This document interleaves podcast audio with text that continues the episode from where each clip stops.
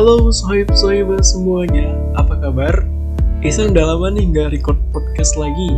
Nggak nyangka ternyata ada sekitar 500an plays di episode ke-10 Pas aku cek anchor gitu ya, aku kaget, excited. Ada 500an plays Yang awalnya cuma coba-coba aja nih, sekarang beneran ada pendengarnya. Ya kita bismillahkan saja ya, semoga Isan istiqomah dalam membuat podcast ini. Well, sahib-sahibah semua, kita nih udah berjalan dari bulan Maret sampai sekarang nih Desember ya. Di rumah aja uh, belajar juga di rumah aja gitu. Dan Isan jadi pengen bertanya nih udah berapa banyak sih hikmah yang sohib sohibah petik? Ini semoga banyaknya hikmahnya itu menggunung dan gak kalah sama banyaknya film atau episode-episode dakor yang teman-teman sohib sohibah tonton By the way, sohib sohibah di sini gimana kabarnya? Um, udah ada angin belum? Ada berita angin gitu ya? Tahun 2021 akan seperti apa nanti pembelajarannya? Online atau offline? Ya, kalau dari pengamatan ya, kita bisa menerka-nerka bulan ini aja nih, Desember tahun 2020, masih banyak kasus COVID, bahkan bertambah ya gak untuk kemungkinan kalau semester depan kita juga akan online lagi. Walaupun udah ada vaksin ya yang disebarkan yang ke beberapa daerah cuman belum sampai ke orang-orangnya gitu ya.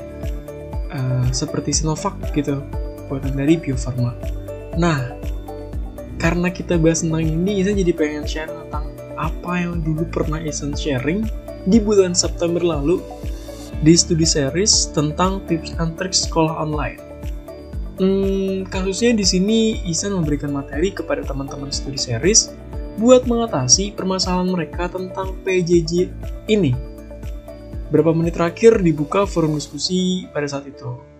Nah, sekarang Isan mau sharing nih ke teman-teman sahib-sahibah pendengar podcast Isan biar bermanfaat lah ya. Dan ada gitu loh bekasnya. Walaupun rasanya emang PJJ itu tidak menyenangkan, tidak semenyenangkan belajar offline bareng teman-teman ya, tapi kita harus tetap semangat dalam belajar online ini, kayak yang dibilang sama Tulus nih. Di salah satu lagunya, kalau kita tuh harus menaruh hati di setiap kerja keras kita. Supaya apa? Supaya nanti lahir mahakarya kita. Ini dia Tulus, Mahakarya. Bapak pernah berkata, saat jiwa terpisah dari raga Dia akan terbang menghinggapi karya terbaik kita.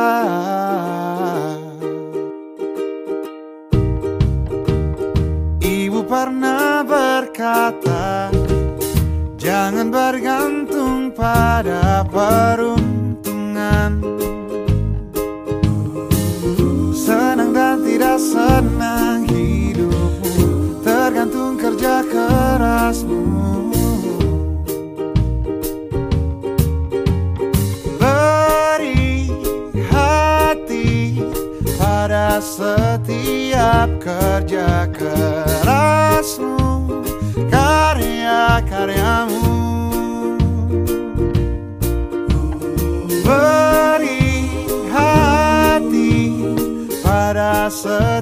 setiap kerja kerasmu karya-karyamu. Beri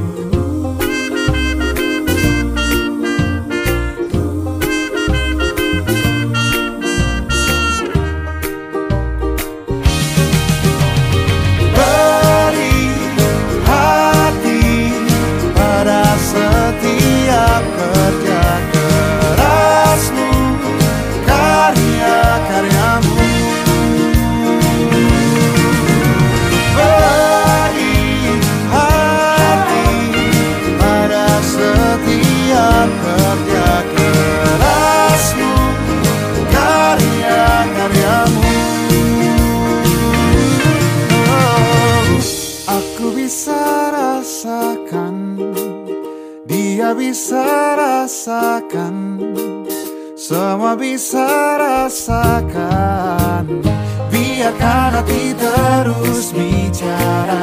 Mungkin kali ini Mungkin kali ini Mungkin kali ini. Layanlah mahakaryamu. Oke, itu dia tulus maha karya. Nah, kita harus ya menaruh hati di setiap kerja keras kita supaya muncullah maha karyamu gitu. Nah, oke kita bahas yuk tentang tips and tricks kuliah online atau belajar online gitu ya. Dulu Ihsan menjudulkan materinya tentang time and self management for online learning ya sama aja lah ya kita bahas tips and tricks tentang belajar online atau PJJ. Um, Isan mengkategorikan beberapa poin ya di sini. Waktu itu Isan mengkategorikan the mental health. Ya siapa coba ya yang nggak parno sama corona gitu ya. Mental health. Kemudian motivation, lack of motivation. Kemudian bahas tentang distraksi-distraksi gitu ya ketika belajar online kemudian aku Aisan bahas tentang komunikasi, kemudian membahas tentang fasilitas dan juga sistem, dan terakhir how to overcome gitu. Nah, pertama mental health. Nah tadi udah seperti Aisan singgung ya, siapa sih yang nggak parno sama coronavirus? Semua orang pasti ketakutannya sama. Ada yang memang takut karena uh, penyakitnya meninggal gitu ya ada yang parno karena aduh banyak nih nanti yang akan terganggu cuman karena corona doang gitu nah dan kita juga mikir udah berapa bulan nih kita di rumah aja kan? PT bosan gitu ya. Dan gak ketemu sama temen-temen. Terus juga mental health ini juga jadi hmm, apa ya mem membesar gitu karena ada tugas dan deadline yang menumpuk dari pembelajaran online. Dan ada beberapa yang mengatakan bahwa jadwalnya itu nggak pasti gitu. Karena online bahkan ada perkuliahan yang bisa mulainya malam-malam atau ya di luar jam kuliah lah gitu. Ini kan bisa mempengaruhi kesehatan mental kita gitu ya. Terus yang selanjutnya adalah motivasi. Nah ini uh, kekurangan motivasi karena apa? Karena ada rasa malas nih ketika belajar online. Dan kontrol diri yang kurang baik ya gimana? Enggak ya karena kita sendirian nggak ada temen gitu. Biasanya kalau mau kuliah atau sekolah ketemu sama teman-teman jadi semangat. Sekarang karena online cuman ketemunya di laptop lagi laptop lagi gitu ya. Jadi males belajarnya. Dan gak semangat. Moodnya itu nggak terkumpul. Kadang bosan jenuh atau karena kondisi rumah yang terlalu nyaman. Um, bahkan ya kasur pun suka memanggil-manggil kita nih buat udah kuliahnya di kasur aja nggak usah di meja belajar ambil laptopnya sini bawa ke kasur sama aku gitu. Kan itu parah ya. Bantal guling mengatakan hal seperti itu. Ibaratnya gitu ya kalau ada yang mengatakan bahwa gravitasi uh, bantal guling dan kasur itu lebih berat daripada gravitasi bumi. Uh, hmm. Itu yang menjadi motivasi kekurangan motivasi karena apa ya? Karena online ini tadi ya. Kurang semangat, bosan, jenuh, dan kondisi rumah yang terlalu nyaman.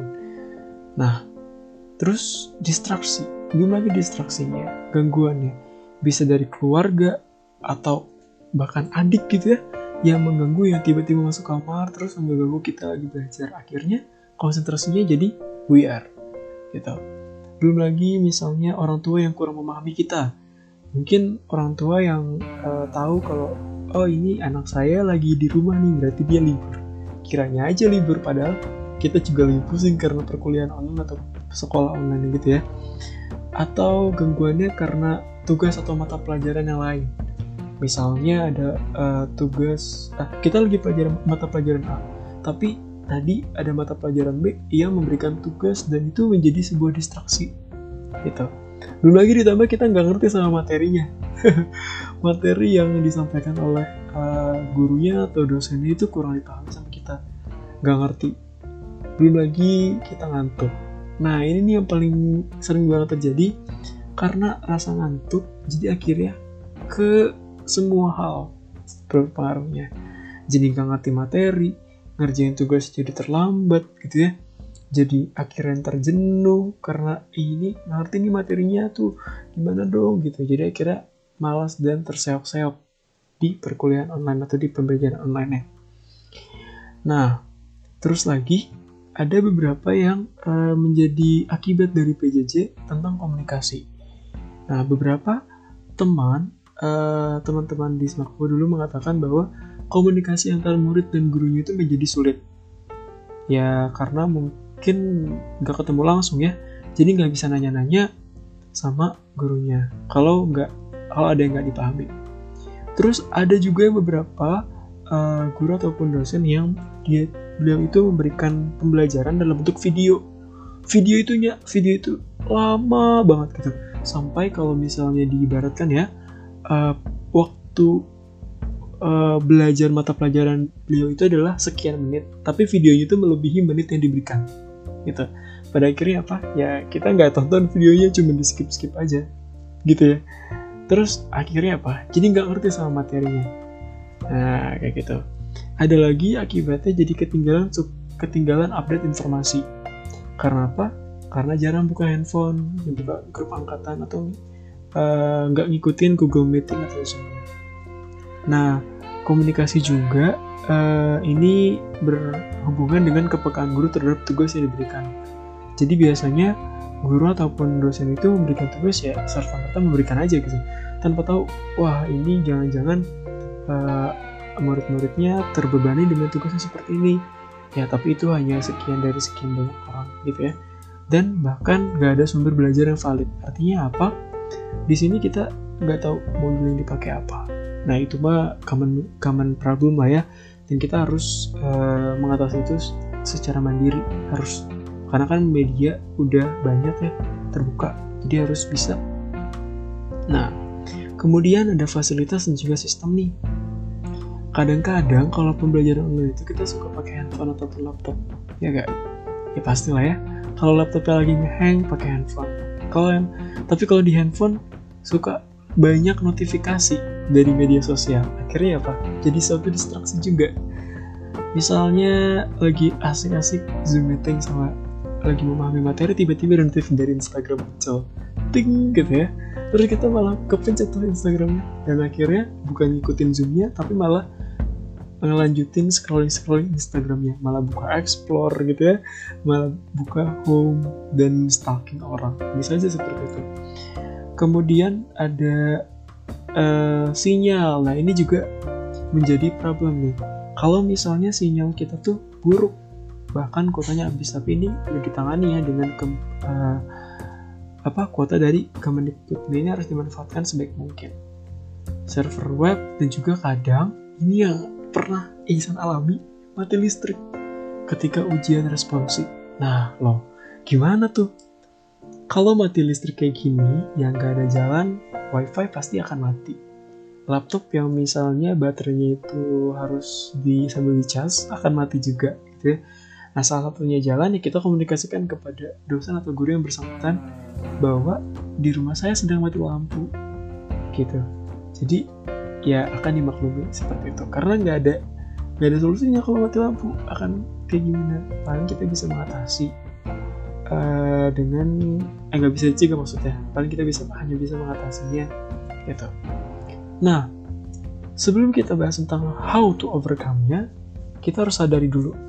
Kita harus bersyukur uh, karena ini tuh ujian memang besar ya. Tapi tidak sebesar apa yang telah Tuhan berikan kepada kita nikmat-nikmat Tuhan yang telah Tuhan berikan kepada kita dan di sini juga kita masih bersama-sama dengan yang lain. Bukan cuma diri kita doang yang sengsara, tapi juga pasti orang-orang lain pun akan merasakan hal yang sama. Nah, kita juga harus sadari bahwa semua pembelajaran, semua sistem sudah didesain sedemikian rupa, sebaik mungkin oleh dosen, oleh guru, dan kita pun harus memberikan yang terbaik. Bukan malah menjadi um, apa namanya? Bukan malah menjadi mencela ataupun mengeluh banyak-banyak mengeluh gitu ya. Atau bahkan melakukan hal yang tidak penting. Bahkan menjadi sebuah pelarian. Ah udahlah misalnya ini saya nggak ngerti sama pembelajaran online seperti ini. Saya males banget sama ini. Akhirnya saya main aja deh. Nah kalau udah kayak gitu apa akhirnya? Nanti malah kita yang terkena penyakitnya gitu ya. Nah ini jadi kita sadari jadi kita harus apa bersyukur dulu dan kita harus sadari kalau kita tuh bersama-sama sehingga kita bisa menunjukkan yang terbaik dari diri kita karena apa dosen maupun guru ataupun semua stakeholder yang terlibat di sini sudah pasti memberikan hal yang terbaik yang mereka bisa berikan untuk kita, untuk semuanya. Gitu. Nah, terus tadi kan ada beberapa mis apa ya problem gitu ya. Kalau kita tuh jadi males karena uh, bukanya laptop lagi nggak ketemu sama temen-temen terus juga kasurnya suka memanggil-manggil gitu ya. Nah, gimana caranya kita mengatasi hal tersebut? Ya dengan mendekor, mendekor gitu ya ruangan kita menjadi kelas kita sendiri. Ya kita harus punya uh, kursi dan juga meja yang nyaman. Ya paling nggak kita desain gitu ya untuk uh, bentuk meja-meja kita tuh seperti mau bener-bener belajar di sekolah atau belajar di kampus gitu. Kita minimize distractionnya misalnya orang tua ataupun adik kita buat tidak di depan kamar itu uh, aku akan belajar dari jam segini sampai sini mohon jangan diganggu bisa seperti itu. Ya, let people know what you are studying at the time. Jadi kapan kita uh, belajar kasih tahu gitu. Kita harus di se uh, ruangan kita itu menjadi kelas kita sendiri. Ya kalau saatnya belajar ya belajar di meja belajar. Jangan malah nanti belajarnya di atas kasur. Gitu karena itu udah menjadi apa ya? Masuk alam bawah sadar lah ya. Nantinya kita akan jadi malas melantar bahan belajarnya kan nggak bener kayak gitu ya terus juga di sini uh, bahas tentang masuk alam bawah sadar kadang kala kita tuh merasa malas karena memang kita tidak mempersiapkan diri untuk belajar nah ada uh, satu satu kakak kelas kakak tingkat alumni dari fakultas psikologi dia mengatakan kalau memang pembelajaran online ini akan berat, tapi kita bisa tangani dengan cara kita mandi setiap pagi seperti kita mau kuliah atau sekolah pada biasanya. Kita menggunakan kemeja, menggunakan celana atau rok gitu ya, sesuai dengan seragam pada saat hari itu. Nah, hal-hal seperti itu akan membangkitkan semangat kita dan akan masuk ke alam bawah sadar kita. Wah, sekarang ini saya lagi kuliah. Wah, sekarang ini saya lagi belajar di uh, belajar di sekolah gitu. Jadi saya harus semangat, jadi saya harus memperhatikan betul-betul apa yang dosen ataupun guru sampaikan hari ini. Gitu. Dan jangan lupa untuk selalu sarapan. Jadi di sini tuh uh, si cutting ini tuh menjelaskan bahwa kita tuh betul-betul mendesain hari-hari kita menjadi hari-hari seperti biasanya. Menjadi hari-hari seperti nggak ada corona gitu ya. Walaupun kita belajar di rumah aja kita sarapan, kita mandi, kita gunakan seragam sekolah, gitu ya. Kita mempersiapkan buku, gitu. Jadi supaya kita semangat. Nah, terus itu tadi kan uh, overcome rasa malas dan jenuh dan sebagainya untuk mendekor ruangan kita dan mendekor uh, apa hari-hari kita gitu ya. Nah terus gimana dong kalau misalnya uh, kita tuh menjadi lebih sulit karena ya sendirian belajarnya, terus juga uh, kadang kala nggak teratur bahan-bahan pembelajarannya kadang-kadang juga ketinggalan zoom nah let something to be easier let something uh, menjadi lebih mudah gitu. nah Ihsan sama teman-teman Ihsan waktu kemarin itu ya kita membuat sebuah channel Discord nah channel Discord ini tuh khusus untuk teman-teman uh, nya Ihsan yang dalam satu kelompok tutorial. Nah, di sana dibuat beberapa voice channel, uh, text channel buat apa? Buat menteraturkan semua bahan-bahan belajar kita. Misalnya, uh, ini adalah uh, text channel untuk uh, anatomi. Ini text channel untuk bahan histologi. Ini text channel untuk bahan fisiologi. Nah, jadi semua teman-teman kita yang memang dalam satu circle misalnya itu kita invite ke dalam channel itu. Dan semua orang bisa menyimpan berkas-berkasnya atau draft-draftnya itu ke dalam teks channel tersebut. Dan kita pun bisa melakukan voice call atau video call seperti Google Meet ataupun Zoom di uh, voice channel itu. Misalnya kita buat beberapa voice channel ya. Itu tadi kan yang tadi aku sebut, yang tadi saya sebutin itu di anatomi, selalu gitu tuh merupakan text channel.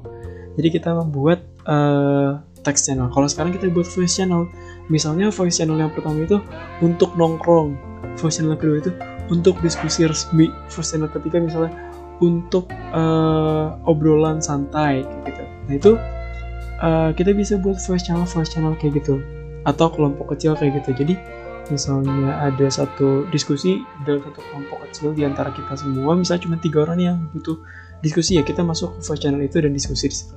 Jadi kita bisa selesaikan di Discord itu. Nah ini salah satu tips yang bisa ini ya uh, bisa sampaikan karena ini saya lakukan di Discord. Mungkin teman-teman juga bisa udah pada paham tentang Discord ini ya.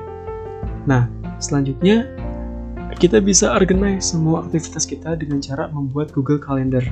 Kadang-kadang ada yang ada yang menyebutkan kalau uh, kita menjadi tertinggal mata pelajarannya karena kita nggak tahu jadwal itu kayak gimana dan menjadi berantakan gitu ya karena online dan jadi semena-mena karena malam gitu kan nah ini bisa kita organize aktivitas kita dengan membuat Google Calendar nah Google Calendar ini juga ada kelebihannya karena di sini kita kan biasanya menggunakan Google Meet ya kalau misalnya ada uh, perkuliahan ataupun pembelajaran biasanya ada Google Meet ataupun Zoom. Nah kalau Google Meet ini akan uh, apa tersinkronize dengan recording pada saat itu. Misalnya ketika ada pembelajaran menggunakan Google Meeting lah kita record sebisa mungkin. Record meeting gitu ya. Nah nanti akan tersinkronize ke email kita ketika kita menggunakan uh, Google Calendar ini. Jadi kalau misalnya kita masih belum paham materi yang kemarin ataupun kita tertinggal atau lebih parahnya adalah kita merasa ngantuk dan pada akhirnya kita malah ketiduran malah ketiduran kita bisa masih bisa lihat rekaman-rekamannya yang sebelum-sebelumnya. Atau bisa juga kita buat Google Drive buat rekaman-rekaman di Zoom meeting. Gitu nah nanti bisa juga dimasukin ke Discord. Lah ini mah gampang lah pokoknya organize activity bisa pakai Google Meet, eh, bisa pakai Google Calendar, Google Drive ataupun Discord. Yang tadi sudah saya jelasin. Nah, terus permasalahan yang berikutnya adalah kita tuh kadang ya kalau di depan laptop selama seharian penuh, bayangkan dalam satu hari dari jam 7 sampai jam 4 sore ini kasus parah parah ya buat anak-anak semakku biasanya kita belajar dari jam 7 sampai jam 4 sore ya kadang-kadang mata yang merasa lelah gitu kan? Nah kita bisa atasi dokter Gia tuh pernah mengatakan kalau ada tips 20 20 20 nah apa itu ada triple 20 ya? Yaitu ada 20 menit 20 seconds dan 20 fits. Artinya apa? Misalnya kita dalam satu hari itu kan ya dari jam 7 sampai jam 4 sore gitu ya belajar. Nah kita alokasikan waktu 20 menit untuk menatap laptop 20 seconds 20 detik itu untuk melihat benda yang jauh sejauh 20 fits atau uh, ya sekitar 6 meteran lah ya 20 kaki. Nah ini tips yang dikatakan oleh dokter Giyo itu di live Instagramnya. Jadi uh, ketika mata kita sudah uh, berakomodasi full berakomodasi maksimum ketika melihat laptop selama 20 menit ya kita uh, sisihkan waktu 20 detik untuk melihat benda yang jauh sejauh 20 kaki nah itu akan membantu mata kita itu supaya lebih uh, fresh lagi lebih relax dan nggak terlalu lelah karena terlalu banyak, terlalu sering terakomodasi secara maksimum. Gitu. Nah, hal yang paling penting dari semua uh, tips and tricks ini adalah kita harus tahu tujuan kita berlari. Iya, yeah, tujuan awal berlari kita tuh apa sih? Kita harus ingat betul-betul kita pengen ngapain, kita pengen mencapai apa saat ini. Lepaskanlah beban pikiranmu Dengarkan hatimu. Nah, kalau kata Kunto Aji, walaupun realita menjatuhkanmu ke bawah, tapi kau harus ingat mimpi-mimpimu. Ini dia Kunto Aji, pengingat untuk kalian semuanya. Kita bukanlah buah yang terjatuh dekat pohonnya. Cita-cita adalah benih yang terbawa angin samudra.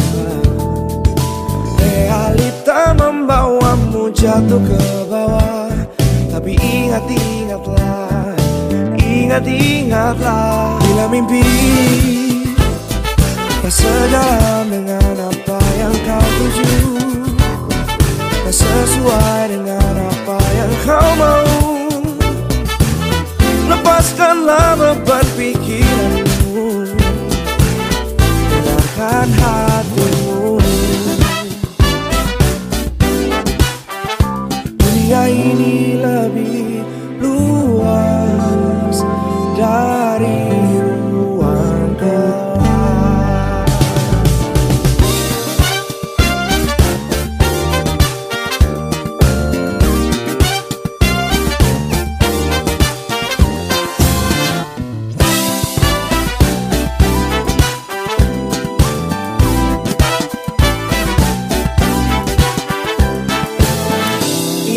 mimpimu yang kau kejar dulu.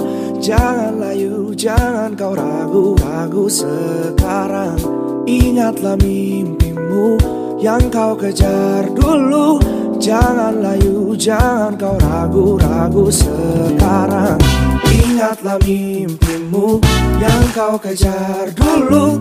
Jangan layu, jangan kau ragu-ragu sekarang. Ingatlah mimpimu yang kau kejar dulu. Jangan layu, jangan kau ragu-ragu. Bila mimpi sejalan dengan apa yang kau tuju Tak sesuai dengan apa yang kau mau